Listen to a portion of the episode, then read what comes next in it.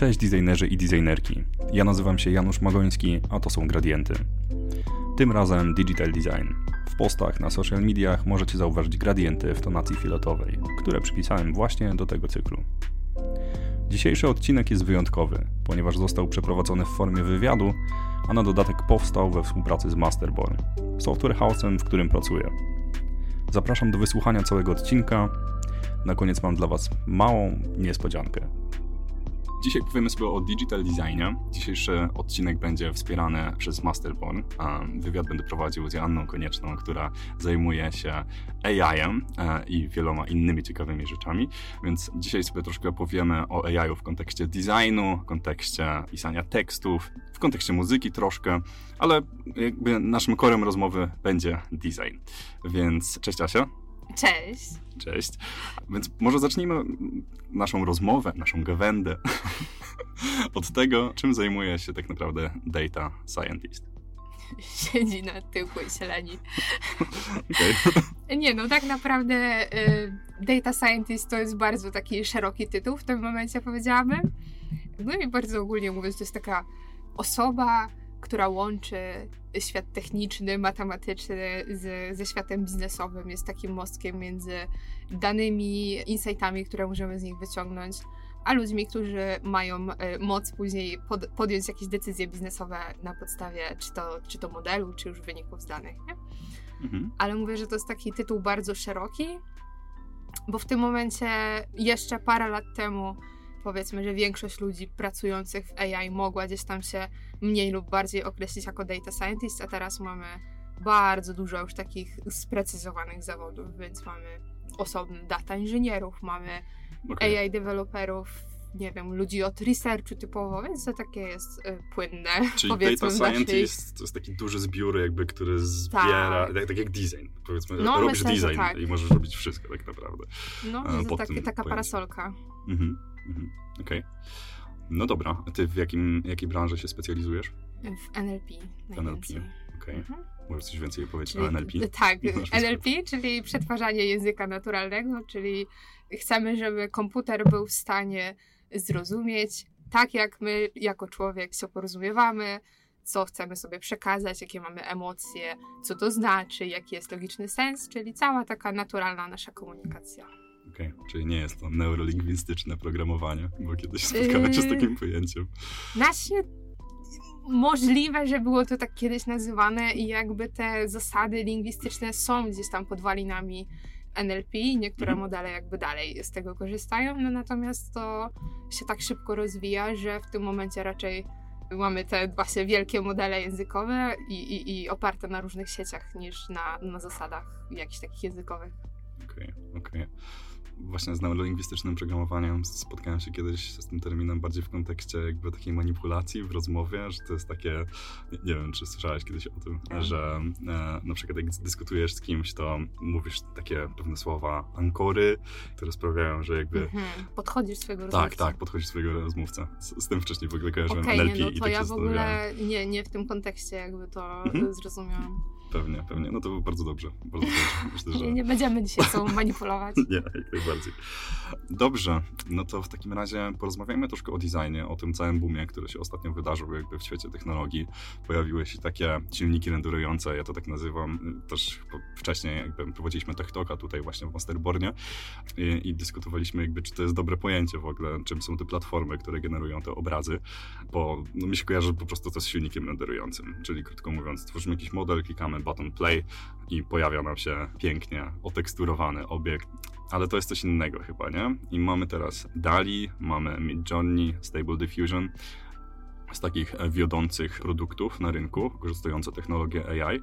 I czy mogłabyś powiedzieć w ogóle, jak to się dzieje, że wpisujemy sobie prompt, tekst w stylu pies podróżujący przez kosmos i, i ten AI jest w stanie w ogóle sprawić, że ten pies w tym kosmosie się pojawi. A co więcej, będzie miał założony na głowę jakiś kask, który będzie jeszcze uwzględniał takie kwestie jak załamanie światła i tak dalej. No jest to po prostu niesamowite. To nie jest zwyczajny kolaż, tylko jakby taka świadoma produkcja No to prawda, bo, bo to, nie jest, e, to nie jest po prostu wycinanie i, i sklejanie jak e, w przedszkolu z gazety, nie? Tylko no, od początku, jak to jest w ogóle możliwe, nie? Jakby te modele, które teraz mamy, czyli mamy jakiś tekst, czyli mamy ten element NLP właśnie, czyli zrozumienie tego jako człowiek, co ty właściwie chcesz, no to jest pierwszy, pierwszy taki składnik, nie? Czyli przełożenie tekstu na jakąś taką przestrzeń znaczenia, powiązania ze sobą słów i tak dalej. I jeżeli już mamy,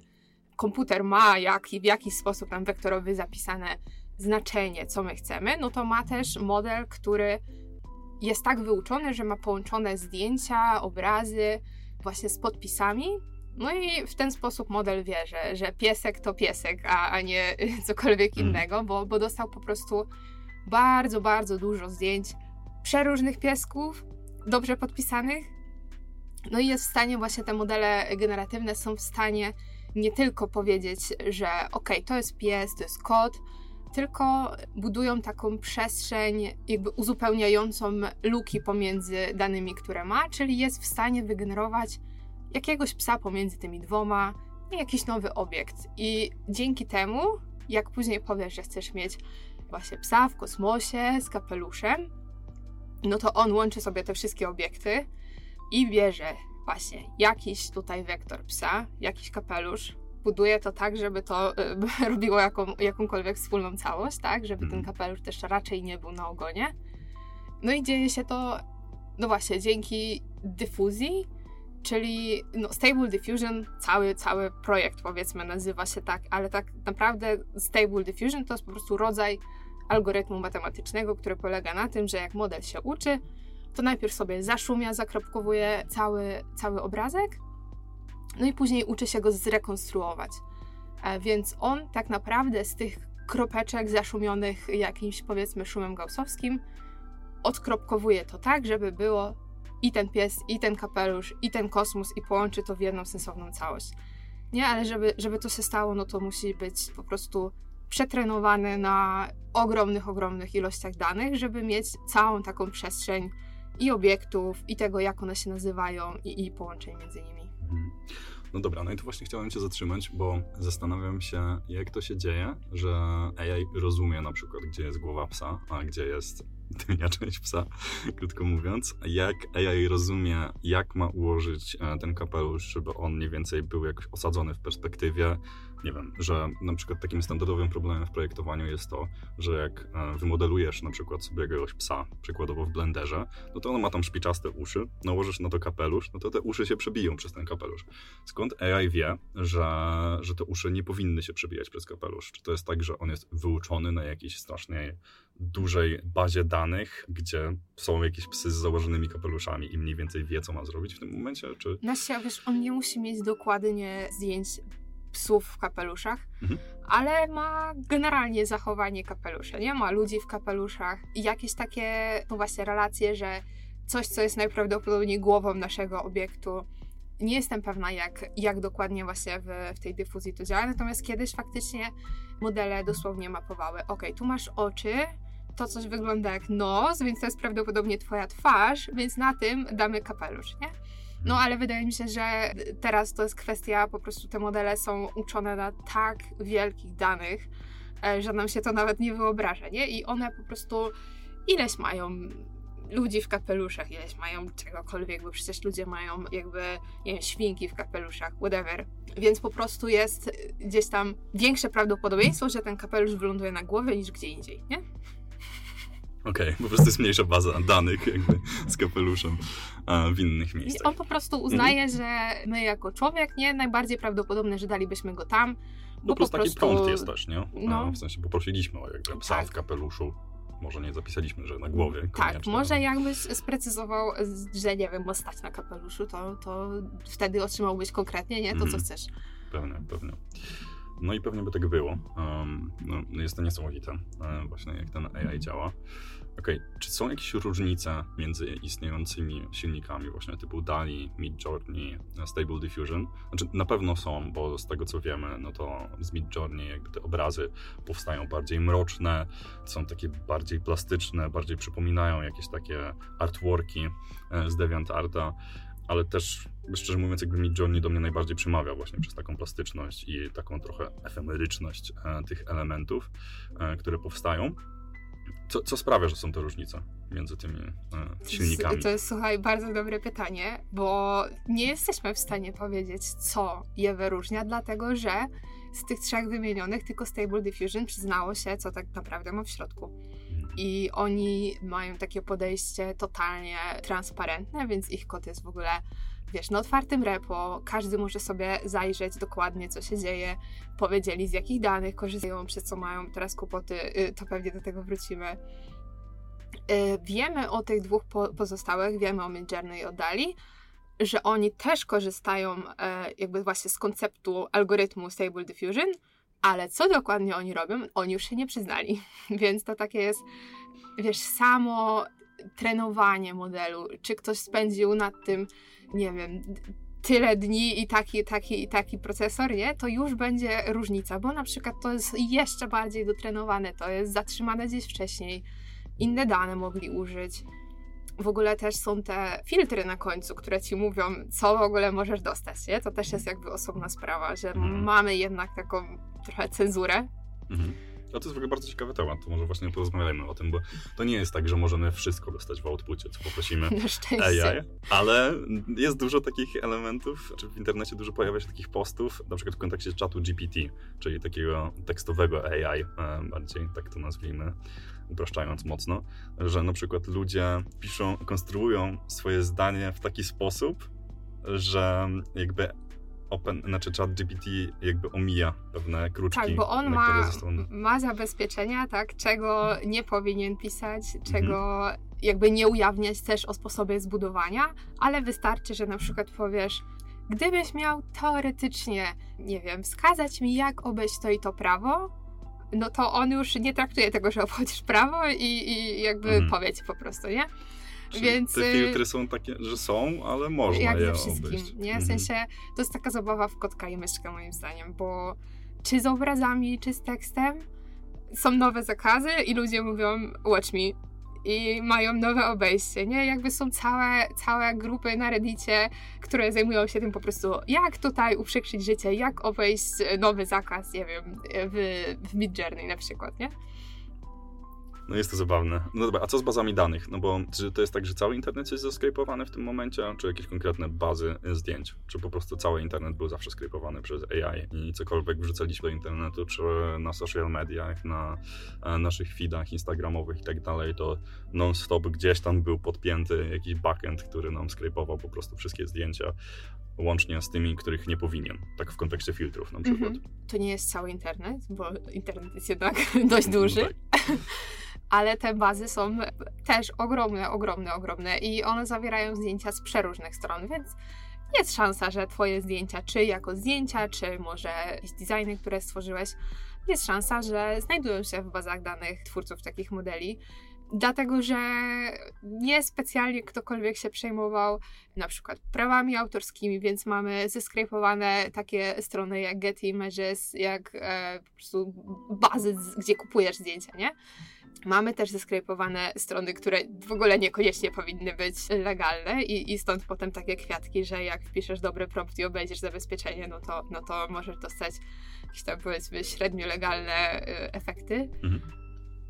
Jest taka strona y, Have I Been Trained bodajże, gdzie no masz dwie opcje, albo wpisujesz, nie wiem, pies i patrzysz, czy tam gdzieś jest twój pies, no powiedzmy sobie dość mało, mała szansa, że znajdziesz, mm -hmm. ale po prostu wrzucasz swoje zdjęcie i on ci pokaże, czy w bazie z baza Lion się nazywa. No i to właśnie Stable Diffusion powiedziało, że tej bazy używało i to jest taka mm, powiedzmy naj, największa, najpopularniejsza baza danych z przeróżnymi zdjęciami, z podpisami. Mhm. No i ta strona ci mówi, ok, byłeś w tej bazie, czyli zostałeś użyty, zostało twoje zdjęcie na przykład użyte do, do trenowania modelu. Okay. No i teraz jest taki myczek z tą stroną, że przynajmniej Stable Diffusion, które no właśnie, jako jedyne się przyznało, i jako jedyny ma teraz przypał z tego powodu, tak potocznie mówiąc. Mhm. E, dlatego, że e, no właśnie, na tej stronie wiemy, że ten model był użyty z, z Twoim zdjęciem. No i oni powiedzieli, że teraz w kolejnej wersji będziesz mógł zrobić opt-out i powiedzieć, że Ty sobie nie życzysz, ale musisz, wiesz, ręcznie znaleźć każde swoje zdjęcie, którego nie chcesz, żeby było użyte, wypisać się, no i tutaj moim zdaniem słuszne są obiekcje, że to, to nie jest zgoda. Jakby udzielenie zgody nie polega na tym, że ty defaultowo zakładasz, że ja ci coś pozwalam i ja muszę wiedzieć, że ty to zrobiłeś i ci powiedzieć, jednak ci nie pozwalam. No, no i właśnie tutaj podchodzimy, przechodzimy, przechodzimy płynnie do tej kwestii praw autorskich związanych twórczością wielu twórców, których dzieła zostały zeskrypowane. Skrypowane, czyli jak możemy to właściwie przełożyć na taki język bardziej potoczny? Taki, że po prostu chodził jakiś program od strony, tak, od strony do strony i zapisywał po prostu zdjęcia z, z, odpowiednimi podpisami, nie pytając się o zgodę. Jeżeli po prostu strony miały słabe zabezpieczenia przed scrapingiem, no to mhm. regulamin regulaminem, a życie życiem. Mhm. No właśnie, no i niestety dużo zdjęć też było pewnie wykorzystywane, nawet jeżeli to były strony, które miały jakieś zabezpieczenia pod tym względem, no to przecież tak. ta twórczość jakby chodzi po całym internecie, jest cytowana mm, w jakichś artykułach i tak dalej. Przecież e, artyści chcą się jakby na różny sposób promować, więc mm, jakby ciężko jest w ogóle ogarnąć, gdzie ta twórczość się pojawia. W sensie, gdybyśmy mieli zmapować te wszystkie nasze zdjęcia na różnych platformach, serwerach, no to one będą się znajdowały tak naprawdę na całym świecie. I no, nie dało się za bardzo tego uniknąć. Nikt też nie pytał nas o zgodę, czy, czy można, krótko mówiąc, skrypować te rzeczy. No, ale problem też jest taki, że de facto, no właśnie, jakby te outputy generowane przez AI, one są inspirowane jakby tą twórczością. One nigdy... Ale teraz po prostu wdepnąłeś w taki temat, no. bo jakby to słowo inspirowane e, to jest w ogóle podstawa toczących się e, procesów aktualnie, bo no i teraz tak, o, wiadomo, w każdym kraju y, trochę się różni to prawo, nie? Ale takie najsłynniejsze dwa procesy, które się teraz toczą, no to jeden jest w UK w Londynie i to jest proces Getty Images kontra Stable Diffusion. I tam jest prostsza sytuacja, bo oni mówią po prostu ukradliście nam zdjęcia. Do tego stopnia, że modele są w stanie jakby symulować te watermarki na generowanych zdjęciach. Mhm. Więc no to jest jawna kradzież, nie? Tak. No więc powiedzmy, że ten proces jest taki trochę chyba, wiadomo, on nie jest jeszcze skończony, a my nie jesteśmy prawnikami, no ale wydaje się mniej skomplikowany. Natomiast w Stanach, chyba w Kalifornii, z tego co pamiętam, jest właśnie proces, to, że oni jakby wzięli te zdjęcia, to jest wiadome, ale proces jest o to, czy to jest właśnie inspiracja, czy to jest jakby fair use. I to definicja u nich fair use to jest w ogóle abstrakcja totalna, bo musisz wystarczająco zmienić ten e, obiekt, powiedzmy artystyczny. Musisz zmienić cel jego użycia, udowodnić, że wiesz, w jakimś tam procencie to było, bo jak używasz rzeczy, które mają copyrighty mhm. i jakby zmienisz je na tyle, że one są dalej jakby tym samym w tym samym celu, czyli na przykład film i polskie tłumaczenie albo nie wiem, książka i adaptacja filmowa, no to, to, to jakby nie ma sprawa powiedzieć, że już zapominamy, nie? Że to była książka Tolkiena, ja sobie robię teraz film, ale zapominam o tym. No i cały tamten proces jest właśnie o tym, żeby powiedzieć, czy to jest to fair use, gdzie możesz już zapomnieć o prawach autorskich, czy nie. No i to jest w ogóle y, strasznie y, ciekawa rozkmina. Właśnie słuchałam sobie kilku prawników, co o tym mówią. Bo zazwyczaj, jak jest proces o prawa autorskie, to masz dosłownie obraz i obraz, i masz mhm. masę specjalistów, i tam wyliczają jakieś procentowe użycie. A tu masz miliony obrazów, nie? miliony. To jest po prostu nie, no nie starczy ludziom życia, żeby w ogóle to sprawdzić. Ja właśnie, jeśli mogę coś wtrącić, no to e, ogólnie jakby kwestia praw autorskich jest dosyć, ona jest bardzo mocno uregulowana nie? w pewnych kwestiach, e, ale jakby inspiracja też jest czasem płynna. Czasem są jawne plagiaty, w takim sensie jakby, mm, nie wiem, sposób, w jaki dana postać została przedstawiona, albo kolorystyka, która została dobrana na e, danym dziele, albo fonty e, i ich wykorzystanie w kompozycji danego utworu. No to, to są powiedzmy jawne takie plagiaty. Ale co w przypadku takich dzieł, które są inspirowane i na przykład jest wykorzystana, powiedzmy, kolorystyka danego dzieła, ale kompozycja jest zupełnie inna, kontekst tego jest zupełnie inny. No i tutaj już ta granica nie jest jakby taka e, sztywno zarysowana. To jest bardzo płynna granica i wydaje mi się, że tutaj kwestia jest zasobności portfela. Jeżeli masz wystarczająco dobrego prawnika, no to tutaj nie jesteś w stanie, jakby nikt nie jest w stanie ci jednoznacznie udowodnić, że, że to jest czysto plagiat, prawda? No bo mamy te jakby prawa autorskie na zasadzie Common Creatives na przykład i tam jest napisane, że możemy na przykład używać, ale musimy wspomnieć autora, nie możemy mhm. edytować takiego zdjęcia. No i okej, okay. no ale co, co jeżeli weźmiemy na, na tych zasadach Common Creatives na przykład, powiedzmy wszystkie zdjęcia, które nie są do użytku komercyjnego, ale z tych wszystkich zdjęć powstanie jeden utwór, bo to, to de facto jakby robi AI, nie? że zbiera, jakby tworzy sobie bazę danych na podstawie e, twórczości danego artysty, zwłaszcza jeżeli użyjemy tego w prompcie, na przykład chciałbym jakieś dzieło inspirowane twórczością Beksińskiego, no to on wybierze sobie tą konkretną bazę, ale stworzy zupełnie inną odpowiedź, tak? No bo ten prompt będzie zawierał na przykład tekst w stylu, nie wiem, baza marsjańska inspirowana e, twórczością Be Beksińskiego.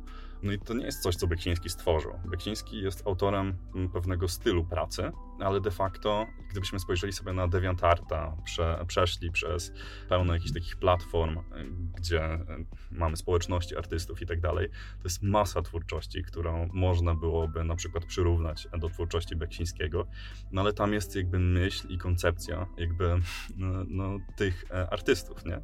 I tutaj pytanie, czy oni popełniają plagiat przez to, że na przykład czerpią ze sposobu budowania nastroju światłem, nie wiem, e, pewnego Słuchaj, typu. O dziwo znam odpowiedź. No. Bo dowiedziałam się właśnie, czytając, po prostu jest, mega ciekawe są te procesy. I dowiedziałam się, wydaje mi się, że u nas jest tak samo, ale mówię jakby o prawie amerykańskim, mhm. że masz pełne prawo skopiować styl. I to możesz po prostu świetnie podrobić styl, dopóki namalujesz coś innego, to jakby jest okej. Okay. No Więc, tak, no bo de facto to robimy, nie? W sensie jako twórcy i, no nie wiem, nagrywamy jakiś film. No tak, ale masz powiedzmy pewne granice, nie? A jakby mhm. styl możesz dosłownie zwalić od kogoś mhm. i to jest okej. Okay. Ale nie możesz, yy, wiesz, zrobić na przykład podobnych elementów już na tym, kompozycji, nie? Jakby już jak masz bezpośrednie gdzieś tam odniesienie do konkretnego, y, nie wiem, obrazu, no to już zaczyna się problem, ale te niuanse, kiedy to jest inspiracja, kiedy to już jest kradzież i tak dalej, to w ogóle jakby sami ci prawnicy mówili, że to są hmm. tak ciężkie case'y, ciężko to w ogóle ja wiesz, nam rozkminiać nawet, nie? No ja bym zaryzykował no, to stwierdzenie, że prawo w ogóle nie było przygotowane na coś takiego. W nie. sensie, że, że w prawie nie ma, w prawie autorskim pewnie nie ma takich zapisów, które by pozwalały jakby jednoznacznie powiedzieć, że ktoś tutaj zrobił plagiat wykorzystując AI. Być może, nie wiem, teraz będą jakieś nowe regulacje e, w tym zakresie, że nie możesz wykorzystywać czyjejś twórczości do e, renderowania swoich obrazów. Pewnie zakładam, że to będzie też tak jak, nie wiem, mamy Unsplasha na przykład i mamy e, inne platformy, które e, na przykład za opłatą e, dają ci dostęp do jakichś tam bibliotek, więc być może w przyszłości będą takie biblioteki, które będą miały całe przeniesienie praw autorskich, z których powiedzmy AI mógłby skrypować tak w pełni legalnie rzeczy. Tylko, że to, to też się już wydarzyło. To trochę wychodzi oddolnie. W sensie mhm. ja mam wrażenie, że prawo absolutnie nie nadąża. Absolutnie. W sensie, no, tak krypto, że nie? tak, że ten boom tych modeli, przynajmniej obrazowych, nie, no to to jest ostatnie pół roku. Okej, okay, one, wiadomo, prace nad nimi trwały dużo dłużej, nie, i jakieś takie ubogie wersje wcześniej się pojawiały. No natomiast te modele, które teraz mamy, nie, dali dwójka Stable Diffusion Midjourney, to to jest od lata zeszłego roku, powiedzmy. Nie ma szans, żeby ktokolwiek nadążył z prawem w takim tempie, nie? Znaczy w takiej postaci, nie? No bo to tam się rozwijało już od znacznie dłuższego czasu, tylko no... No tak, ale nikt się chyba specjalnie nie przejmował. Tak. Wydaje mi się, że prawnicy mieli dużo ważniejsze sprawy na głowie niż myślenie, że a, ci komputerowcy tam coś grzebią, może wygrzebią za rok, może za pięć lat, nie? A tu nagle się okazuje, że już mamy ten problem, a prawo jest absolutnie nieprzygotowane. Ale y, to, co mówię, że te oddolne inicjatywy, czyli na przykład Stable Diffusion, które właśnie mówi ci, możesz się wypisać. I to jest takie, mm, takie szemrane dla mnie. Ale na przykład Shutterstock powiedział, że oni też będą robić swój model i uploadując zdjęcia do nich, zaznaczasz, czy chcesz, żeby to było użyte do treningu, czy nie. Jak nie, to ok, a jak chcesz, to dostajesz po prostu y, tam co pół roku jakąś, jakąś opłatę za to. I więc jakby masz powiedzmy ten dodatkowy zysk. Czy on jest współmierny do zysków, jakie oni otrzymają? Don't think so. Ciężko w ogóle to policzyć, nie? W bo... sensie, bo to i tak twoja twórczość na Shutterstocku będzie jakoś milionową w ogóle tak. tego, co jest w bazach danych. No, no tak, ale no mimo wszystko jest to jakiś krok, chociaż nie, minimalny, w stronę jakiegoś takiego bardziej uczciwego podejścia, mam wrażenie. Amerykanie teraz już się zastanawiają. Myślę, że u nas w Polsce to w ogóle nie ma nawet jeszcze podejścia do tego, nie? Mhm. Ja jak czasami gdzieś tam w urzędzie pani mnie pyta w okienku zawód, ja nie wiem, co mam powiedzieć. Jak ja mówię data scientist, to ludzie na mnie patrzą jak na kosmitę generalnie. Mhm. Więc y, żebyśmy byli... Jest jakiś odpowiednik polski tego tytułu? Niektórzy mówią, że naukowiec danych, ale Jezus, ja tego tak nie lubię. danych. To jest bez sensu. Nie, nie podoba mi się bardzo. Mhm. Więc ja wolę y, no, angielską wersję. Um, no ale wiesz, ludzie patrzą po prostu, co? Co ty robisz? Więc y, no nie oczekujmy, że nagle w polskim prawie będzie rozróżnienie, mm, no tutaj model skorzystał z takich obrazów, tutaj takie prawa autorskie. Więc to, ja myślę, że jeszcze troszkę na to poczekamy. Znaczy, ja myślę, że to już jest ogólnie trochę too late wszystko, nie? W sensie, bo to już stało, jakby te bazy dane, danych są pełne jakby tej twórczości i teraz tak jak mówisz, no żeby... Mm, jedyna taka racjonalna droga to jest, nie wiem, sprawdzasz właśnie na tych platformach, o których wspomniałaś, czy twoja twórczość została wykorzystana do nauki AI, czy nie i ewentualnie możesz zawnioskować o jej usunięcie. Ale, ale to już się to stało, jako, ona się już jako nauczyła. człowiek, ale myślisz, że gdyby na przykład rząd w Stanach nie wydał jakiegoś takiego e, wiesz, sprecyzowanego, konkretnego rozporządzenia i jakichś e, super wysokich kar, jak to u nich jest w zwyczaju, no to podejrzewam, że jednak mimo wszystko nie mieliby wyboru, no bo po prostu albo to jest legalne, albo jest nielegalne, tak?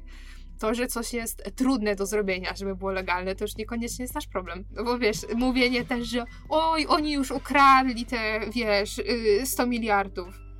Tak to tylko rząd może iść i, i nie mieć z tego konsekwencji, nie? To, o, no bo oni już to zrobili, to się napracują, żeby znowu to odbudować. No to trudno, to się napracują, zarobili na tym kupę hajsu już. Dlatego, czy to jest odwracalny proces w ogóle, nie? W sensie, nawet gdyby teraz Jeżeli miało przez kolejne wierzymy w legalność lat... E, tych firm i w mhm. to, że jeżeli prawo im każe, w sensie ja bym chciała wierzyć w to, że jednak y, oni się podporządkują jakiegokolwiek, jakiemukolwiek prawu, nie? Mhm.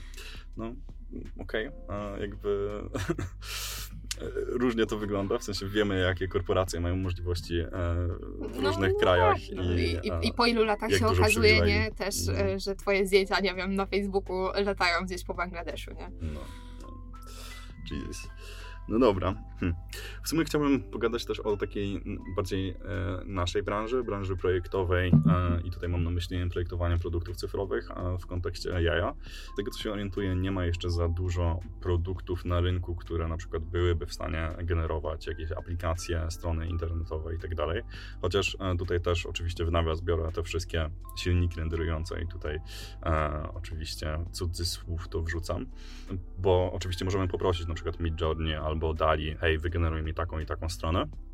No i rzeczywiście te e, produkty są w stanie nam stworzyć jakiś landing page, jakiś hero do landing page'a, nawet całkiem fajnie jakby dostosować kolorystykę poszczególnych komponentów, tak żebyśmy my mogli się zainspirować, na przykład wykorzystać pewne elementy w naszym końcowym produkcie, ale nie ma jeszcze stricte takich elementów, które na przykład byłyby w stanie zbudować jakąś tam bazę komponentów w Figmie i, i na przykład stworzyć z tego produkt, który byłby w pełni edytowalny i tak dalej.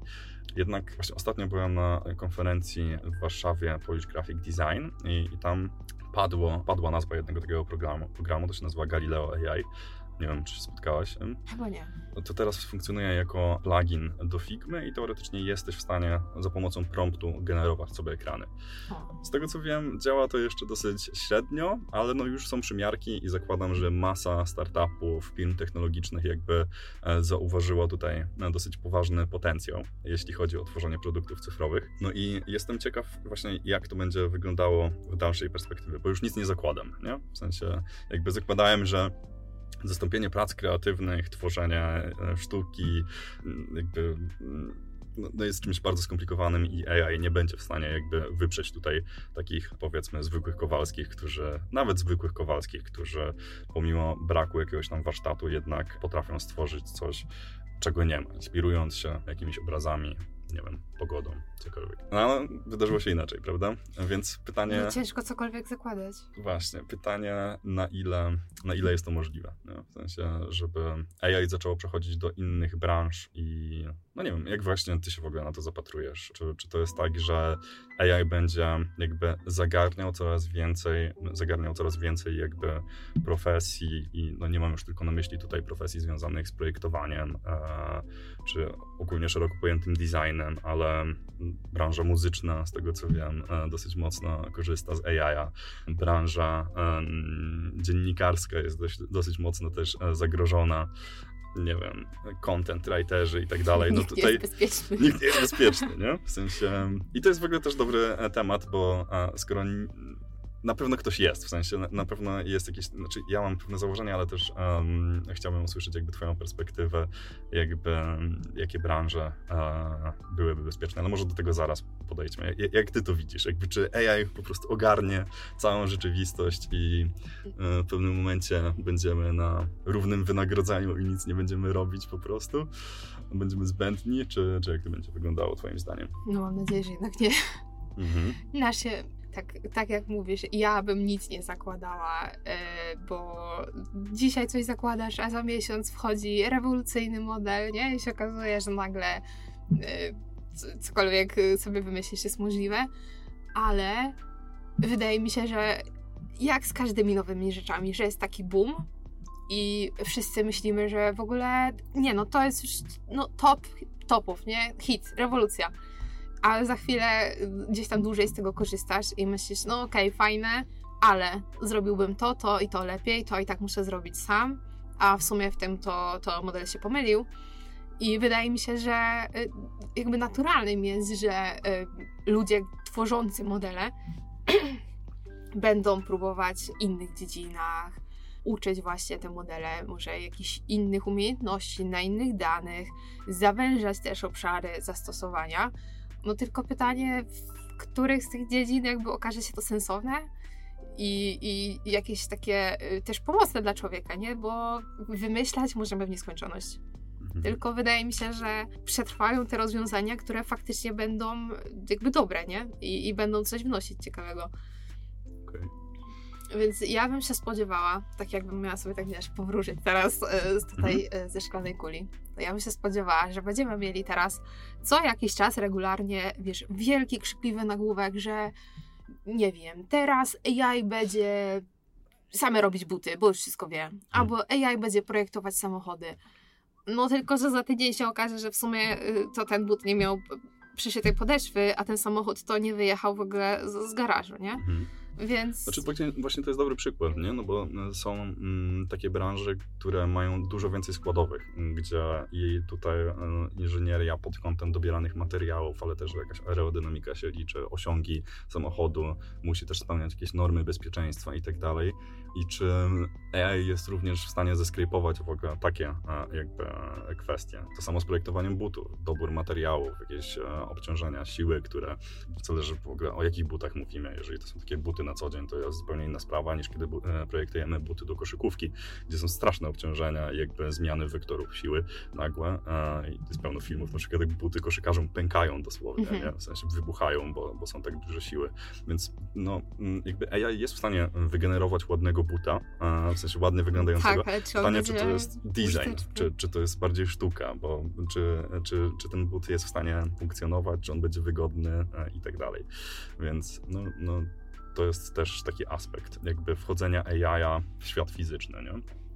Ja myślę, że jeżeli w ogóle, to że jeszcze jednak troszkę to zajmie, bo e, popatrz, że właśnie te zdjęcia na przykład, albo teksty, to są dane, którymi jesteśmy po prostu zalani z każdej strony, nie?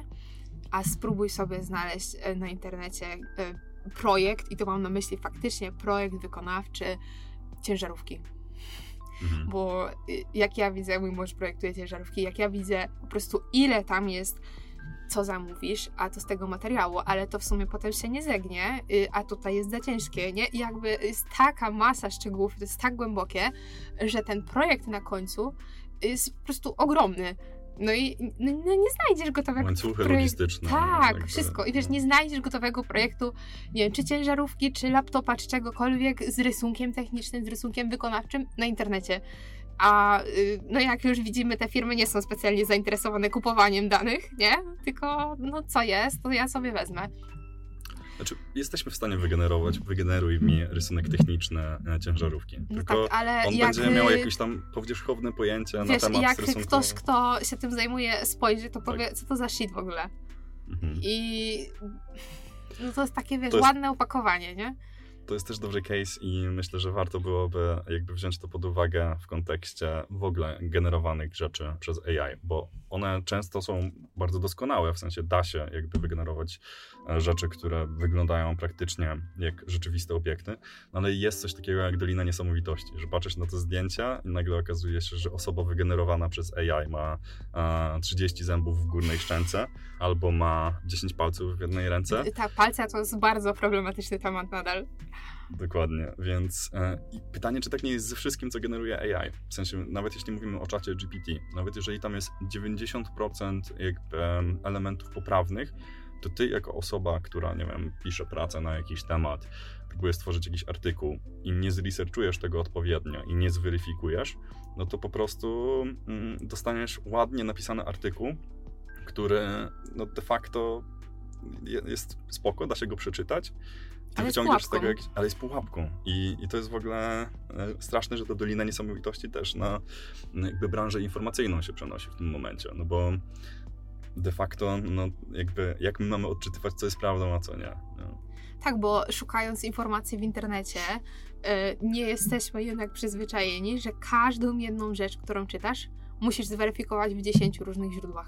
A teraz, y, jakby co jest w ogóle niebezpieczne, no to popatrz, że jeżeli my sobie y, nagenerujemy takich fake danych, ktoś weźmie coś dalej z mojego artykułu, ja wezmę z czyjegoś i mamy taki łańcuszek w ogóle informacji z palca wyssanych, ale popatrz, 10 źródeł o tym mówi, to musi być prawda. Mhm. I to był też jeden z takich większych fuck-upów, no dla mnie dość zabawnych zeszłego roku właśnie AI, że był taki model, który miał jakby robić summary artykułów naukowych, trochę je generować też i on był super niebezpieczny, bo on po prostu zmyślał autorów, e, zmyślał uniwersytety, z których to było, zmyślał źródła, zapętlał te źródła, więc po prostu jak wpadniesz w taką spiralę, no to skąd ty jesteś w stanie powiedzieć, czy ten profesor z Chin to jest naprawdę ten, czy to jest jego sąsiad z biurka, czy on jest zmyślony? Mhm. No nie wiesz tego, nie?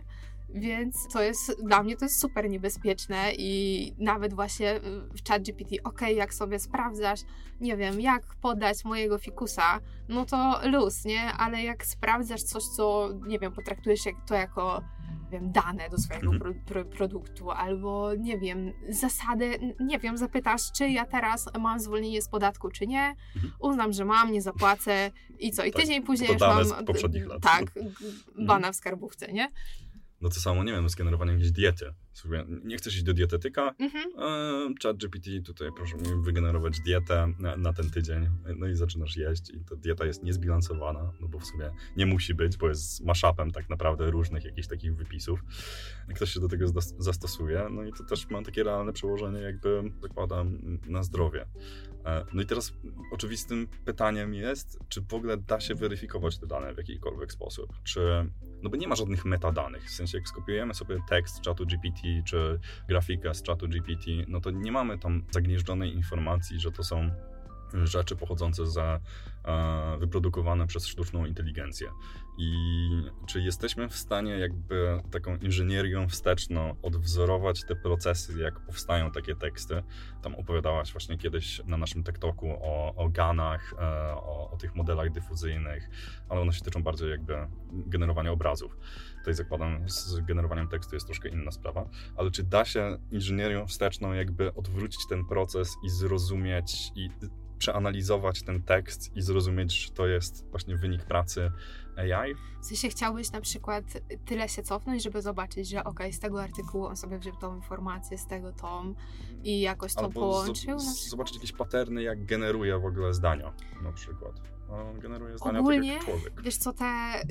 ym, te ogromne modele językowe, które są teraz i generalnie jest taka zasada, że im prostszy masz model, nie, no to jesteś w stanie wytłumaczyć, co się w nim dzieje, e, no ale on będzie słabszy, nie? Mhm. A później im bardziej nakomplikujesz rzeczy i masz jakieś gigantyczne sieci neuronowe, to po prostu tam są takie miliony, miliardy parametrów, mhm. że my nie jesteśmy już w stanie jakby wyjaśnić tego modelu, co on zrobił.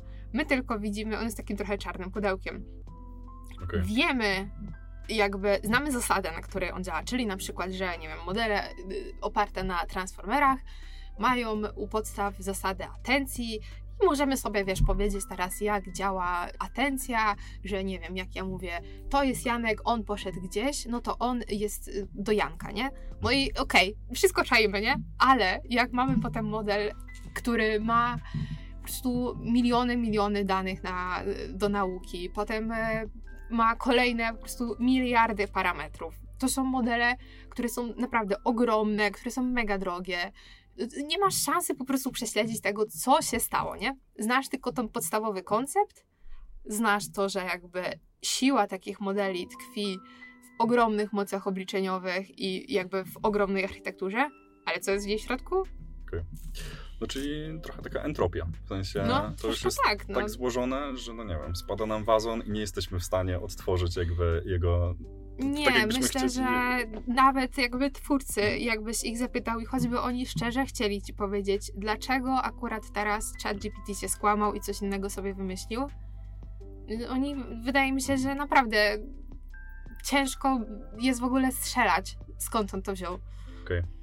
Czyli my już jesteśmy na tym etapie, bo o tym dosyć szeroko też się mówi, że my tak naprawdę nie wiemy, co już się dzieje, w sensie jakby AI jest tak skarmione, jakby e, tymi danymi już sam generuje sobie algorytmy i jakby mm, totalnie nie wiemy, co się tam e, dzieje. Ludzie wiedzą, e, wiesz na przykład, nie wiem, jak fine-tunować, jak jakieś parametry pozmieniać, bo wiesz, że one robią to i to, architekturę możesz zmienić, możesz jakieś transformacje pozmieniać, ale koniec końców jakby te wagi w modelach, które się uczą właśnie w trakcie treningu, zostają jakby tajemnicą dla ciebie.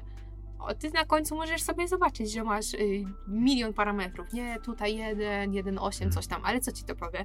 No, no nic, bo to nie jest jeszcze bardzo takie proste sieci, na przykład do, konwolucyjne do obrazów. Kiedyś to się tak tłumaczyło, że nie wiem, ten filtr idzie i sprawdza, gdzie są ostre krawędzie, a ten filtr sprawdza, nie wiem, nasycenie albo coś tam. Ale jak masz tych filtrów miliony, nie, no to nie masz szansy rozkminić, co on tam robi. Dobrze, dobrze. No to jesteśmy w świetnym momencie rozmowy, e, żeby tutaj poruszyć jeszcze jedną kwestię, e, bo no, to, co mówisz, to tak jednoznacznie zaczyna przypominać ludzki mózg. W sensie mm, czasem pojawi nam się jakiś impuls, nie wiemy skąd on pochodzi, jakby mamy sieć neuronową, krótko mówiąc, która w jakiś sposób e, działa. Czasem sobie przypomnimy coś, nie wiadomo dlaczego w danym Ale momencie. umniejszasz swoją mózgowi, masakra. Jakby między, nawet między tymi modelami, nie, które są teraz takie super, super do naszego mózgu, są po prostu lata świetlne. Okay, okay. Więc y, jakby nasze mózgi są mega. No tak, no okej, okay, no my jesteśmy też ewolucyjnie wykształceni i tak dalej, jakby to, jakby nasze mózgi powstawały przez... W sensie wiadomo, e, że okej, okay, to naśladuje i dlatego to lat. się nazywają w ogóle sieci no. neuronowe, bo ktoś się zainspirował i, i próbuje naśladować, mhm. nie? Ale myślę, że to w ogóle nie ma podjazdu do tak? naszych mózgów. Okej, okay. no a co z tym takim logaryt, nie logarytmicznym, no nieważne. W sensie, co z tym aspektem jakby wzrostu technologii, tak krzywą masz taką wzrostu. Eksponencjalnym? No niech wykładniczym. Będzie. O, wykładniczym, tak, tak. No to przeciwieństwo logarytmicznej, no to tak, no, o, no. jesteśmy blisko. Dobrze, jakby e, powiedzmy, że te, technologia zwiększa swoją efektywność w trybie wykładniczym, no i co teraz? W sensie, to, to nie brzmi jak coś skomplikowanego w sensie w perspektywie nawet czasu, jakby w postrzeganiu e, czasu przez ludzi, żeby za jakiś czas jednak ta sztuczna inteligencja osiągnęła jakby taki poziom złożoności właśnie jak ludzki mózg, a tym samym e, mówimy tutaj o osobliwości sztucznej inteligencji, tak? To się osobliwość nazywa? No po polsku chyba tak, ale... Chyba tak. Jakby, jak blisko tego jesteśmy, nie? W sensie, czy w ogóle jesteśmy w stanie to ocenić i, i czy są jakieś takie składowe, które mówią, kiedy osiągniemy tą osobliwość? Boże, jakie ty trudne pytania zadajesz. nie no, bo to jest zastanawiające. ale to jest już takie pytanie chyba bardziej filozoficzne, no bo mhm. tak... Pofilozofujmy. Filozofujmy. Ja jestem technicznym człowiekiem, nie? Beznadziejna z filozofii. Zawsze na filozofii po prostu przeszkadzałam panu e, profesorowi, więc no, nie mhm. wiem. Ale z jednej strony, okej, okay, te, te rzeczy, które teraz mamy, nie, myślimy sobie, że jeżeli to się nadal będzie rozwijać w takim tempie, to w ogóle, nie wiem, nasze wnuki to będą miały AI ze ziomków w szkole już, nie? Ale z drugiej strony, to jest nadal matematyka, w sensie ludzi może to tak dziwi, ale ja uważam, jakby matematyka jest potężna, w sensie to jest idealne, jakby idealny twór, nie? I my tylko, ja uważam, że my tylko jako ludzie odkrywamy matematykę, a ona jakby w naturze jest. I to, to się może wydawać, wiesz, sztuczna inteligencja, wielkie hasła, ale to nadal jest matematyka. Więc dopóki mamy właśnie rozwój matematyki i, nie wiem, i nowe dane, wiemy jak y, obsługiwać się takimi danymi, no ale też mamy, nie wiem, moce po prostu obliczeniowe, nie?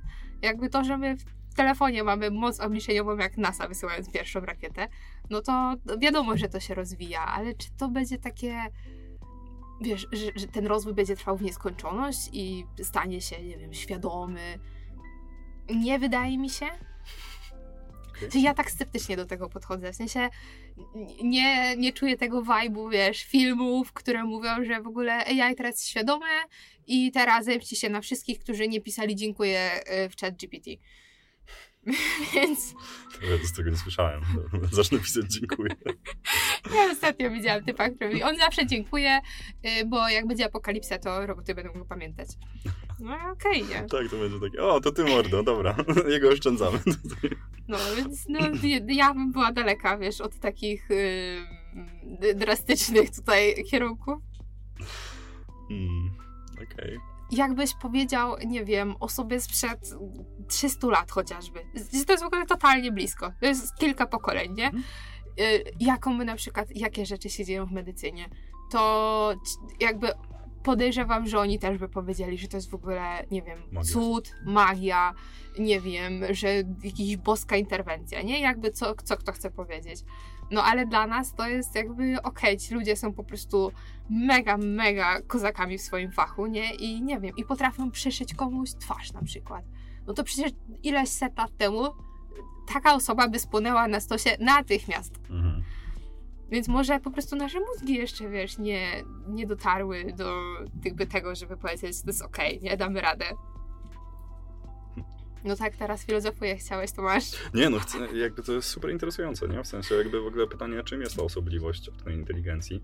Cały czas nie wiem, czy to jest dobre określenie, którego używam, ale tak nazwijmy to. Osobliwość. Osobliwość e, technologiczna chyba to jest. Osobliwość, okej. Okay singularity z angielskiego, stąd to wzięliśmy w każdym razie, bo to jest no, mega ciekawe, nie? W sensie jakby, jak się zastanowimy właśnie, jak działają nasze mózgi e, i jak w tym momencie funkcjonuje sztuczna inteligencja, no to można znaleźć tutaj jakieś takie um, bezpośrednie jakby porównania jak to się dzieje. Tak? No, mamy dużą bazę danych, na przykład w kontekście twórczości. Mamy dużą bazę danych, jakby chłoniemy e, sztukę przez całe życie, mm, czerpiemy z naszych doświadczeń, mamy też emocje, no to, to, to nas może wyróżniać e, de facto od sztucznej inteligencji.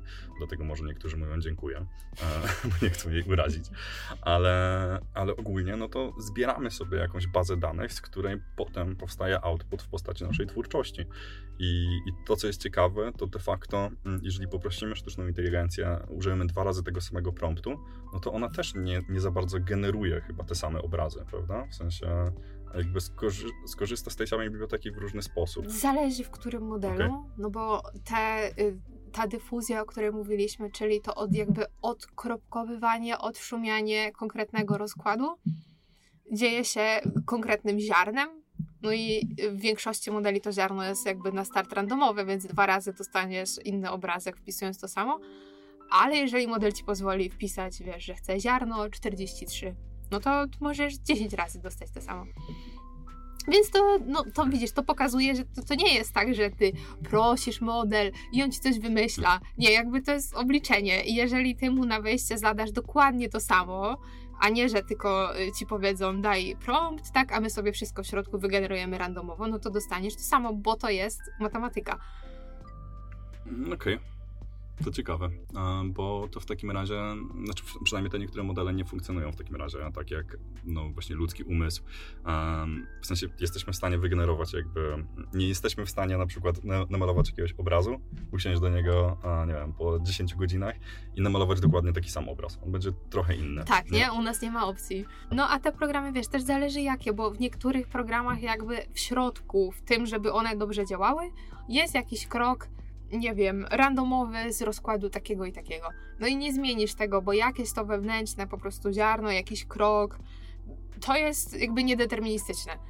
Ale jeżeli masz algorytm, który jakby będzie robił to samo i na początku dasz to samo, nie, no to dostaniesz nieskończoną liczbę razy ten sam wynik. No to tutaj jakby wróćmy do tego pytania, czy jesteśmy jednak odtworzyć tą ścieżkę, nie? No bo jeżeli jesteśmy dwa razy no okay, ale, ten sam wynik... No ale nadal y, jakby ten wynik deterministyczny przechodzi na przykład przez milion bramek.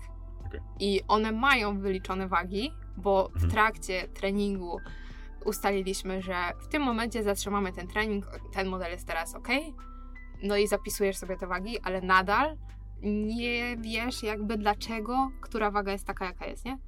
Więc możesz, są modele, w których jakby wiesz, wrócisz i dostaniesz swój input, ale dlaczego się tak stało pomiędzy, to jest jakby bo nas interesuje dlaczego, okay. a nie, że tutaj zostało razy półtora, y, potem z tego zrobił się kosinus, nie, i tak dalej. To nas nie bardzo interesuje. Okay. Czyli jest milion zmiennych, których nie znamy tak naprawdę tak. po drodze i dlatego no. nie jesteśmy w stanie tego odtworzyć. Jasne. To ciekawe, no to może trzeba wykorzystywać sztuczną inteligencję do tego, żeby właśnie określała, jak powstał dany pattern, w sensie...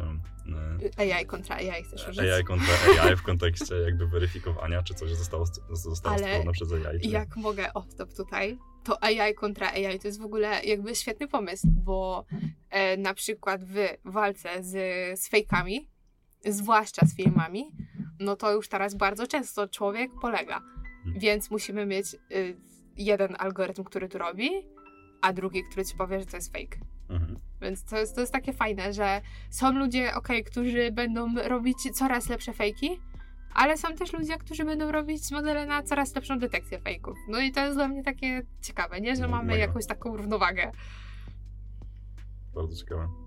No dobra, ale chciałbym wrócić jeszcze do takiego tematu, bo zaczęliśmy o nim mówić, ale w sumie to nie padło. No jakby znowu to będzie trochę temat filozoficzny, jakby zahaczający o kwestię tego, w jakim kierunku AI pójdzie, jak szybko będzie się rozwijał i tak dalej.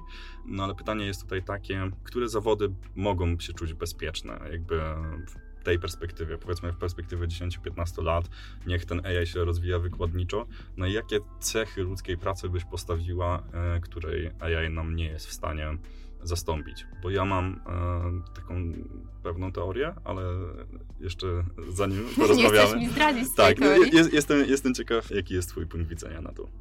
No nie wiem, zawody takie faktycznie, ale to ja, ja znam trochę twoją teorię, mhm. ale jakby to zaraz ją powiesz, z częścią się zgadzam, ale zawody, w których musisz różne rzeczy zrobić manualnie, precyzyjnie.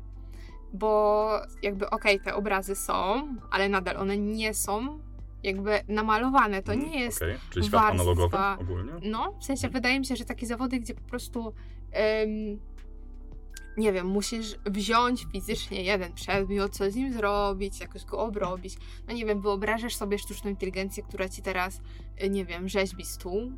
Każde drzewo jest inne, jak zapytasz stolarza, to, to pewnie by nam tutaj więcej powiedział, nie? Że ten dzień nie, nie możesz wrzucić tego na obrabiarkę po prostu jak kamień, który chcesz pokruszyć, tylko mhm. to jest sztuka, to jest, wiesz, praca z materiałem i wydaje mi się, że takie zawody, okej, okay, my w, w IT możemy się czuć super bezpieczni, ale w sensie niebezpieczni, mm. zagrożeni. No, o. właśnie Nie, nie, nie, nie super bezpieczni, no, no. bo jakby co my robimy fizycznie, mhm. w sensie no fizycznie na przykład jako firma, no to będzie jakaś aplikacja, nie? Będzie strona, będzie baza danych, ale nadal. To wszystko da się zmapować, nie? W sensie to no. nie, nie są takie delikatne, subtelne ruchy ręką, które... Tak, to nie jest to, że dajesz komuś teraz swój produkt, sobie, nie? nie? Więc wydaje mi się, że mhm. wszystkie takie manualne zajęcia właśnie jakieś takie, y, no to też są zajęcia kreatywne, no ale też nie kreatywne, no nie oszukujmy się, potrzebujemy masy, masy zawodów, które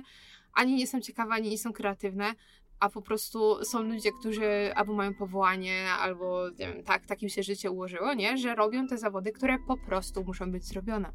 I to, że my sobie teraz y, siedzimy cieplutko i rozkminiamy AI i o Jezus, bo mój model zrobił 90%, a mój 95%, to i tak musisz, wiesz, nie wiem, wsiąść w tramwaj albo w samochód, pojechać do domu, zrobić obiad i tak dalej. I te wszystkie rzeczy są fizycznie zrobione przez kogoś, nie? Więc wydaje mi się, że to, to tak jeszcze troszkę, może nam się tylko dupa pali. Myślę, że i teraz zdradzę twoją teorię. Mhm bo ty mówisz o y, osobach, tak, o pielęgniarkach, o lekarzach, mhm. czyli o kimś, kto fizycznie musi, no też fizycznie Przy takim aspekcie komunikacji i jakby zapewnienia, zrobienia takiego poczucia bezpieczeństwa. Aha, czyli ty mówisz taką inną stronę, a ja mówię taką, wiesz, że po prostu musisz wziąć ten skalpel, nie? I... To też są bardziej manualne kwestie. Jestem sobie w stanie wyobrazić, że kiedyś ta technologia będzie na tyle zaawansowana, bo tu jest jednak mega istotna precyzja. I zresztą już teraz wykorzystujemy takie no e, roboty, tak, gdzie no, na odległość jesteśmy w no. stanie tam e, w ogóle na odległość tysiące kilometrów jesteśmy w stanie wykonywać operacje, używając no, jakiegoś no. softu, nie? I to jest dużo precyzyjniejsze i bezpieczniejsze niż wykonywanie manualnie tej operacji, czasem praktycznie w ogóle niemożliwe. Więc jestem sobie w stanie wyobrazić, że taki AI odpowiednio wyszkolony będzie w stanie lepiej e, jakby wykonać taką robotę. Pytanie, jest kwestia zaufania, e, bo no. tutaj ten aspekt ludzki jest jednak też istotny. No, ale do tego jakby sprowadza się moja teoria, że jakby e, komunikacja z ludźmi, no nie wiem, jeżeli chodzi o psychoterapeutów, to na przykład nie pójdziesz do psychoterapeuty, który jest AI-em, może być świetnie wyszkolony i tak dalej, a, i ten robot będzie ci zadawał pytania po kolei, ty będziesz się uzewnętrzniać, ale komu się będziesz uzewnętrzniać? Jakby nie, nie ma tego aspektu jakby empatii, dyskusji, no. jakby łapania szerszych kontekstów i analizowania ich przez pryzmat jakby swoich doświadczeń, chociaż zakładam, że pewnie w kontekście psychoterapii nie byłoby to zbyt profesjonalne, że nie wiem, no to, to jednak ten kontakt z człowiekiem jest moim zdaniem mega istotny. No, zgodzę się. Mm, I to jest coś, co, co będzie bardzo ciężko zastąpić.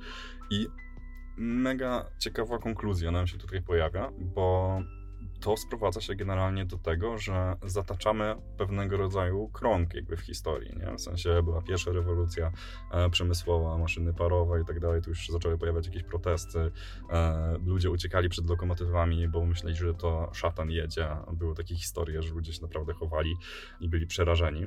Potem była druga rewolucja przemysłowa, gdzie w odpowiedzi powstał ruch e, Arts and Crafts i ludzie powiedzieli, że będą wykonywali mhm. swoje prace rzemieślnicze w proteście jakby do, do tego rewolucji przemysłowej, do produkcji taśmowej, jakby nie będą e, się poddawali tym e, działaniom, no co wiadomo jak się koniec końców skończyło, w sensie jednak ta produkcja przemysłowa wygrała.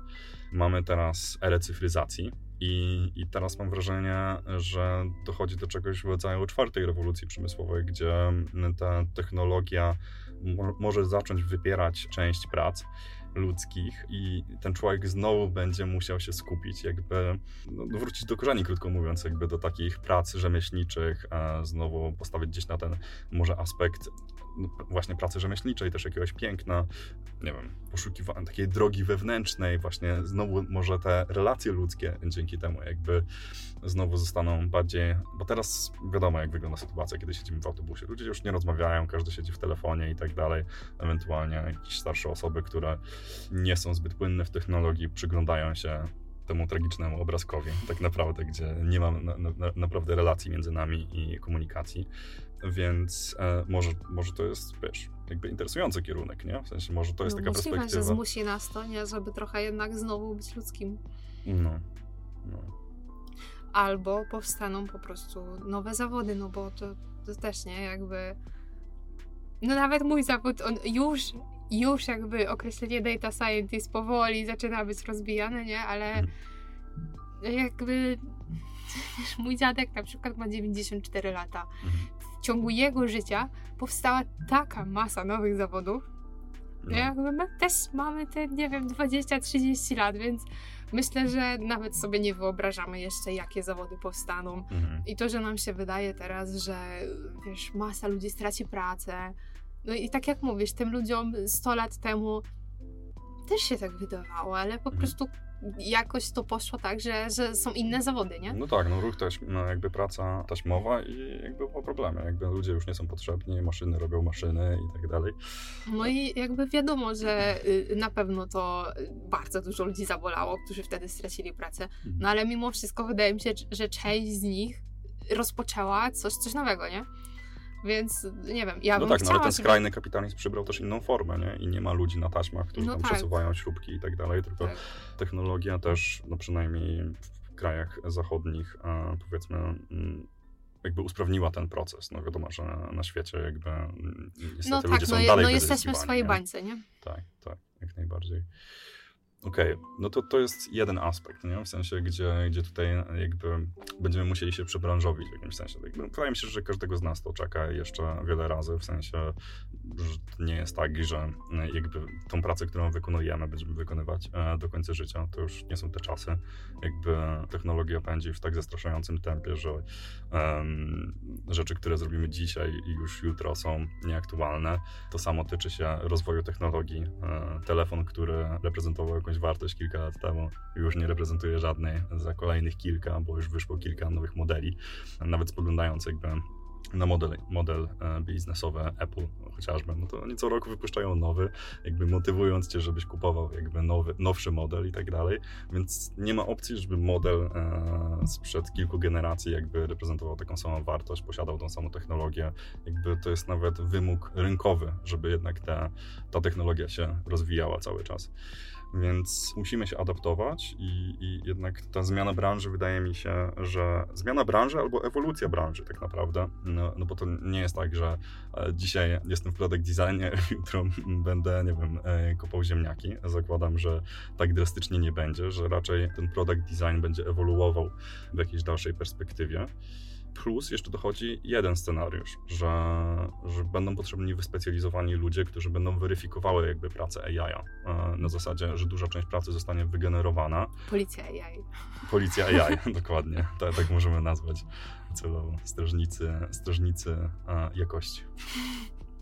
No coś takiego musi być, nie? W sensie ktoś, ktoś będzie musiał za, zarządzać tą pracą. Na zasadzie, powiedzmy, padła na tej konferencji bardzo, bardzo ciekawy tekst, e, że że na przykład dzięki temu, że AI będzie w stanie wykonywać jakąś repetytywną pracę i taką, która wymaga dłubania i bardzo długiego przesiadywania jakby nad budowaniem komponentów, design systemów, e, projektowaniem aplikacji, e, ciężar może się przenieść właśnie na tę fazę discovery, gdzie trzeba odkryć, e, jak zaprojektować e, dobry produkt, porozmawiać e, z ludźmi, bardziej skupić się na ich potrzebach, a, a tą pracę rzemieślniczą przed komputerem, czyli taką dłubaninę, krótko mówiąc, no bo w większości wypadków, no tutaj procent takiej pracy kreatywnej, a po prostu generowania ekranów i iterowania jakby tego procesu, no jest taki raczej powiedziałbym 30 do 70 e, i to, i to 30% to jest dosyć dużo. Być może AI zastąpi właśnie takie prace, e, takie kiedyś właśnie produkcja taśmowa w fabrykach przemysłowych po prostu zastąpiła taką repetytywną pracę. Tak, tak więc może będziemy mogli się skupić na takich aspektach, powiedzmy, bardziej istotnych dla danych produktów. No, także to jest chyba kilka kierunków. Nie wiem. Ale to jest takie, to są, to jest takie trochę dobre i złe. Nie, Mhm. nie wydaje się, bo popatrz, że praca kreatywna ci jakby spala dużo więcej energii i zasobów z głowy, nie? W sensie z jednej strony fajnie, nie musisz robić tej klepaniny, a z drugiej strony nie da się też być non-stop na tym najwyższym poziomie skupienia, kreatywności, bycia socjalnym, rozmawiania z ludźmi i tak nie? Więc to takie wydaje mi się, jak- chyba wszystko, co, o czym dzisiaj rozmawiamy, nie? Że z jednej strony fajnie, a z drugiej strony nie fajnie. Ostatnio też czytałam, że w ogóle takie proste, powtarzające, y, powtarzalne czynności są mega terapeutyczne dla naszego mózgu. Mhm. I ja na przykład y, lubię sobie, wiesz, pojechać do rodziców i ja sobie lubię, nie wiem, wyplewić grządkę, nie? I w Mhm. ogóle s- siedzisz, wiesz, trzy godziny w tych pomidorach albo w czymkolwiek i masz taką pustkę w głowie, nie? I to jest podobno super zdrowe. Mhm. Więc ja na przykład, ja bym nie chciała mieć pracy, w której wiesz, non-stop jesteś na takim super spalaniu w mózgu. No tak, no bo to rzeczywiście sprowadza się do optymalizacji jakby e, zasobów ludzkiego mózgu, nie? No w sensie, chyba, że będziemy jesteś mieli, cały czas na e, takim... wiesz, krótszą pracę i wtedy masz 4, 4 A, godziny. wtedy przychodzisz do pracy, No, Zmurzesz się. 2-4 godziny. Ale wiesz, to też jest jakiś pomysł, no bo przychodzisz, nie, jakby świeży, bo nie musisz wstawać o 6, e, żeby przy, przyjść do biura na, na 8 i masz po prostu, nie wiem, 3-4 godziny takiego intensywnego, nie, pracy mózgu, intensywnej pracy mózgu, a potem idziesz na chatę i wiesz, że to, co teraz byś klepał i się zmużdżał i czekał, kiedy będzie na obiad i w ogóle już się nie chce te ostatnie 4 godziny siedzieć, to wiesz, że AI sobie tam liczy, a ty sobie teraz, nie wiem, gotujesz obiadek. No to może to jest bardziej pozytywna wizja. Tylko biorąc pod uwagę tempo, z jakim AI liczy w tym momencie, to nie będziemy mieli za dużo czasu na zrobienie obiadku też, nie?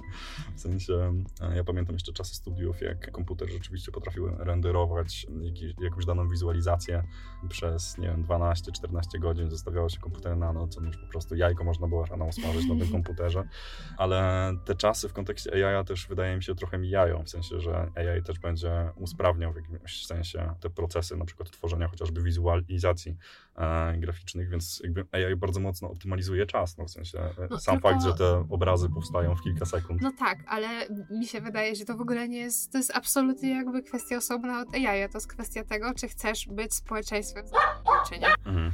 I czy chcesz, jakby, że masz, mam dzisiaj czas, to wrzucę sobie jeszcze 10 tasków, mimo że Mhm. zrobiłem 20, które miałem na dzisiaj, Mhm. nie? To przecież nie potrzeba AI, żeby tak y, non-stop sobie dorzucać i wpadać w pracoholizm.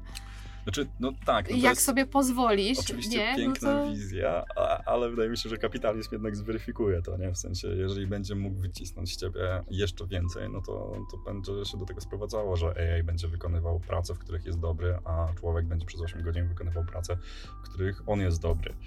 No chyba, że nie, chyba, że coś się zmieni i rzeczywiście jakby świat pójdzie w kierunku tego UBI-a, czyli Universal Basic Income.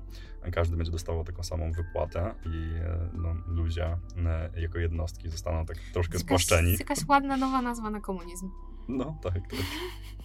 To, no, trochę tak, nie? W sensie e, ja o tym UBI-u dosyć dużo nie wiem, ale wiem, że dosyć dużo osób w tym środowisku AI jakby myśli też o tym, nie? W sensie, że, że to jest jakieś rozwiązanie na, no przynajmniej z tego co wiem, e, znaczy nie wziąłem tego znikąd, pamiętam słuchałem jednego podcastu z Aleksandrą Przegalińską i, i właśnie padł e, ten pomysł tego Universal Basic Income e, i, i wtedy jakby zaświtało mi w głowie, no, że rzeczywiście jeżeli technologia będzie w jakimś sensie wypierała ludzi z ich zawodów i tak dalej, i ludzie w jakimś sensie będą się powoli stawali niepotrzebni, no to trzeba będzie jakoś zarządzić tymi zasobami ludzkimi. I ja nie mówię tutaj o perspektywie oczywiście kilku czy tam e, kilkunastu lat. Powiedzmy, że mierzymy się z problemem za 100 lat, nie? Pomijam aspekty. Stary, jak w ogóle Ziemia jeszcze będzie No, istnieć, to będzie dokładnie, dobrze. dokładnie. Więc generalnie mamy taką równie pochyłą No. w wielu aspektach, nie? Nie, nie, nie mam komentarzy, po prostu kropka. No mam nadzieję, że jednak nie, ale też po prostu e, wydaje mi się, że powinniśmy używać tej technologii, żeby nam się żyło lepiej, a nie żeby jakby ja w dupie, czy ta korporacja będzie miała, wiesz, kolejny miliard, czy nie. Mhm. I popatrz, że coraz młodsi ludzie mają wypalenie zawodowe. Nie wiem, pracujesz rok i już masz dość. Czy chcemy mieć takich ludzi, którzy, wiesz, wspinają się, wspinają, po prostu robią super studia, idą szybko do pracy i tak dalej, Mhm. i potem mają, wiesz, jak po prostu jak meteor, mają chwilę tego swojego błysku, robią Mhm. coś super, zapierniczają przez 8 godzin, mimo że jakby normalnie ta praca byłaby zrobiona na przykład przez tydzień. Mhm. I po roku taka osoba jest do widzenia, jest na psychoterapię, żeby w No. ogóle, nie wiem, myśleć o powrocie w ogóle do tego zawodu, albo ma go tak dość, Mhm. że już nie chce na to patrzeć. No to y, jakby ja tak się staram patrzeć, wiesz, bardziej na tego człowieka, Mhm. bo to, że AI nam zrobi to szybko i w sumie to ty możesz zrobić i jeszcze kolejne zadanie, i jeszcze kolejne Mhm. zadanie w tym czasie. Ja jakby nie chcę, po to, po to się też jakby, wiesz, wysilam, nie wiem, ze swoją edukacją, ze swoją ścieżką zawodową Mhm. i tak dalej, żeby mimo wszystko nie być, wiesz, traktowana jak, jak, jak jakiś koń w kołchozie, nie?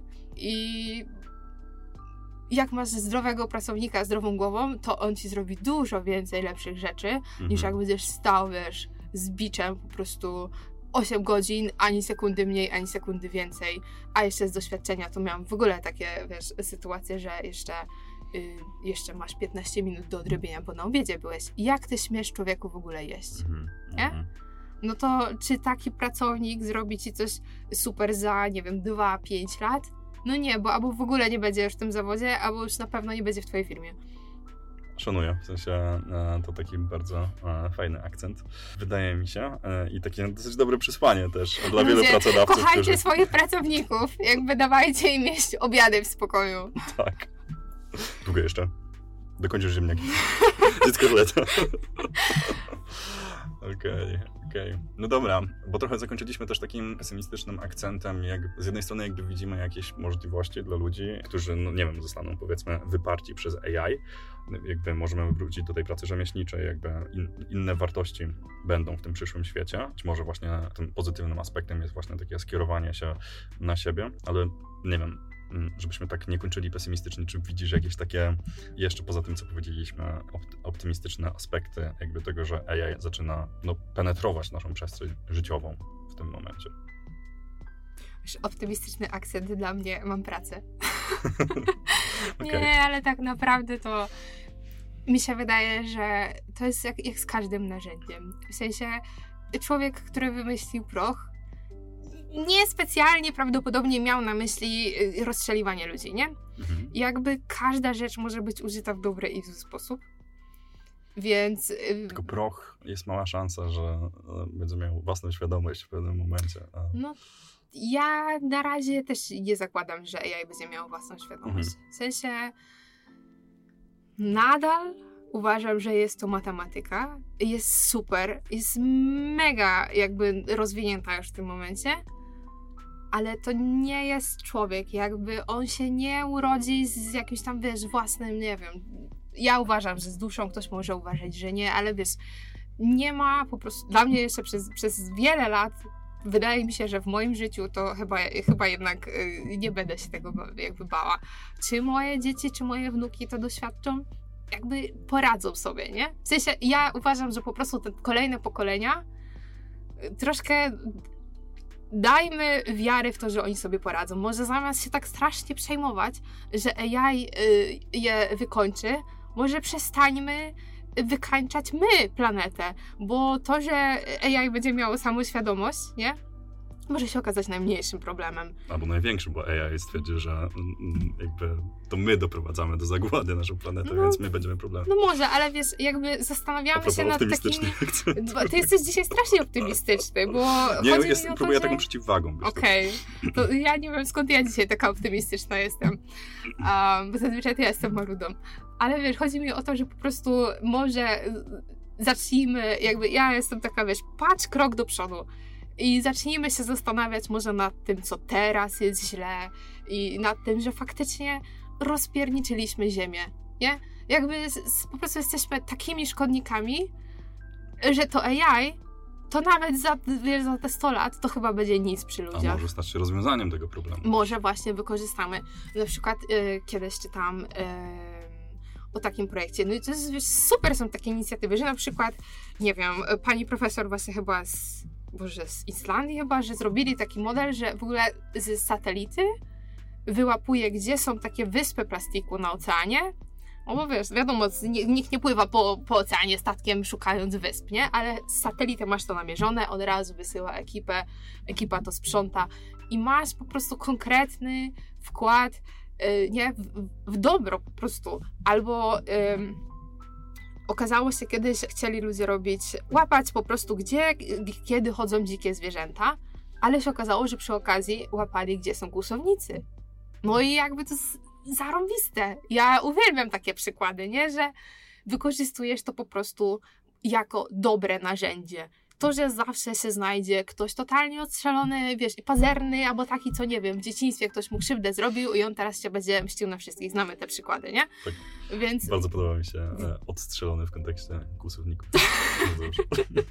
No, oni to powinni być wszyscy odstrzeleni, także nie, nie żebyśmy komuś tutaj źle życzyli.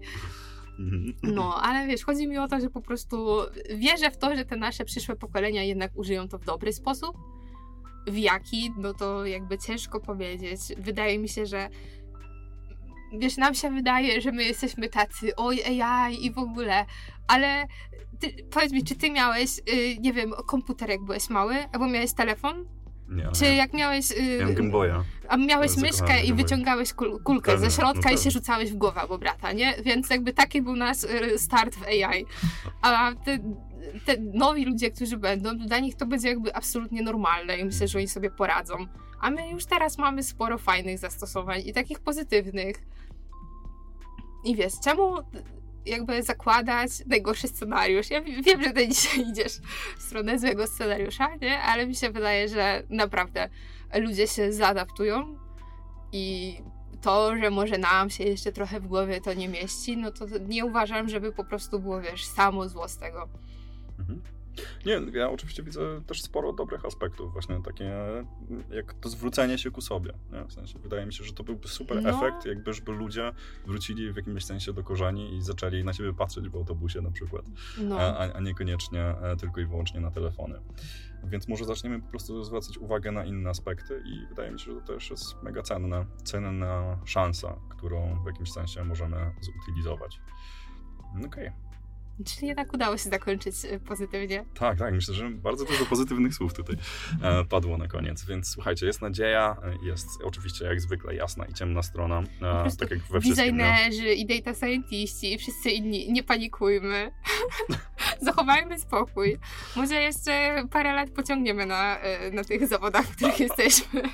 Albo się przebranżowimy, to oczywiście w tym e, nie ma też nic złego i tak jak mówię, e, jakby tutaj AI może dać nowe szanse i to też jest ciekawe, nie? W sensie jakby ewolucja pracy i no bo też ile można wykonywać jakby tą samą pracę w taki sam sposób, nie? Wystarczy też spojrzeć, spo- spojrzeć na branżę produktową, tam wspominałaś jakby, e, że niektóre branże są bardzo młode, no product design jest jedną z takich branż, e, prawda? A Więc e, i to już widać, jak w takim dłuższym okresie czasowym, powiedzmy 20-30 lat, jak to ewoluowało od pracy w Photoshopie, w Corel Draw, Draw, jak ta praca teraz wygląda w Figmie i jak zaawansowane rzeczy możemy tworzyć. Więc no, zmierza to i, i to połączenie, nie? w sensie, że jeszcze jakiś czas temu nikt by nie pomyślał, że designerzy i świat technologii gdzieś e, zacznie łapać jakby punkty styku, a teraz te światy I się ewidentnie... okazuje, że bez was to w ogóle dupa nie projekt, nie? Ja mogę tak mówić, jakby. Takie sobie udzielam pozwolenie, no bo Okej. no słuchaj, no jakby, jakby, jakbyś nie miał produktu, który jest, nie wiem, funkcjonalny, ładny, atrakcyjny, no to on ginie w ogóle, nie? No tak, e, Nie bądź taki skromny, no. Dokładnie. Ale no to tak, no ten świat technologii się przenika, więc jakby pytanie, co dalej, nie? W sensie jakby wszystko, wszystko się rozwija, wszystko płynie. E, Panderej. Dobrze, dobrze. Jeszcze jakiś akcencik na koniec? Coś mądrzejszego to już nie mam, słuchaj. Dobrze, w takim razie skończmy na Panterej. Dziękujemy jeszcze raz e, Masterbornowi za wsparcie tego odcinka. No i dzięki wielkie za słuchanie Ja też bardzo dziękuję i dziękuję za zaproszenie. również. A, tak, no to jest taki wyjątkowy podcast, bo to pierwszy wywiad, a także również e, dzięki Asia. A Dzisiaj o AI opowiadała e, Joanna Konieczna i pewnie ją jeszcze nie raz usłyszycie. W wielu innych miejscach, albo jeszcze raz e, w tym podcaście. No, Janka na pewno, słuchajcie, także No, dobra, e, to Panterej. Pa. pa! Dzięki za wysłuchanie tego odcinka. Mam nadzieję, że się Wam podobało. Zapraszam do obserwowania mojego Instagrama i strony na FB oraz zapraszam do obserwowania mediów społecznościowych Masterborn. Tak jak wspomniałem na początku odcinka, mam dla Was niespodziankę. Zorganizowaliśmy konkurs, którego Masterborn jest sponsorem. Do wygrania są trzy książki Design na co dzień Dona Normana. Żeby je otrzymać, są dwie rzeczy, które musicie zrobić. Odpowiedzieć na pytanie, jakie Twoim zdaniem byłoby najlepsze zastosowanie AI w najbliższej przyszłości oraz zaobserwować media społecznościowe Gradientów i Masterborn. Odpowiedzi udzielacie pod postem przypisanym do tego odcinka na Facebooku lub Instagramie. Trzy najlepsze odpowiedzi wygrywają. Szczegółowe zasady konkursu znajdziecie w postach. Powodzenia i do usłyszenia. Cześć!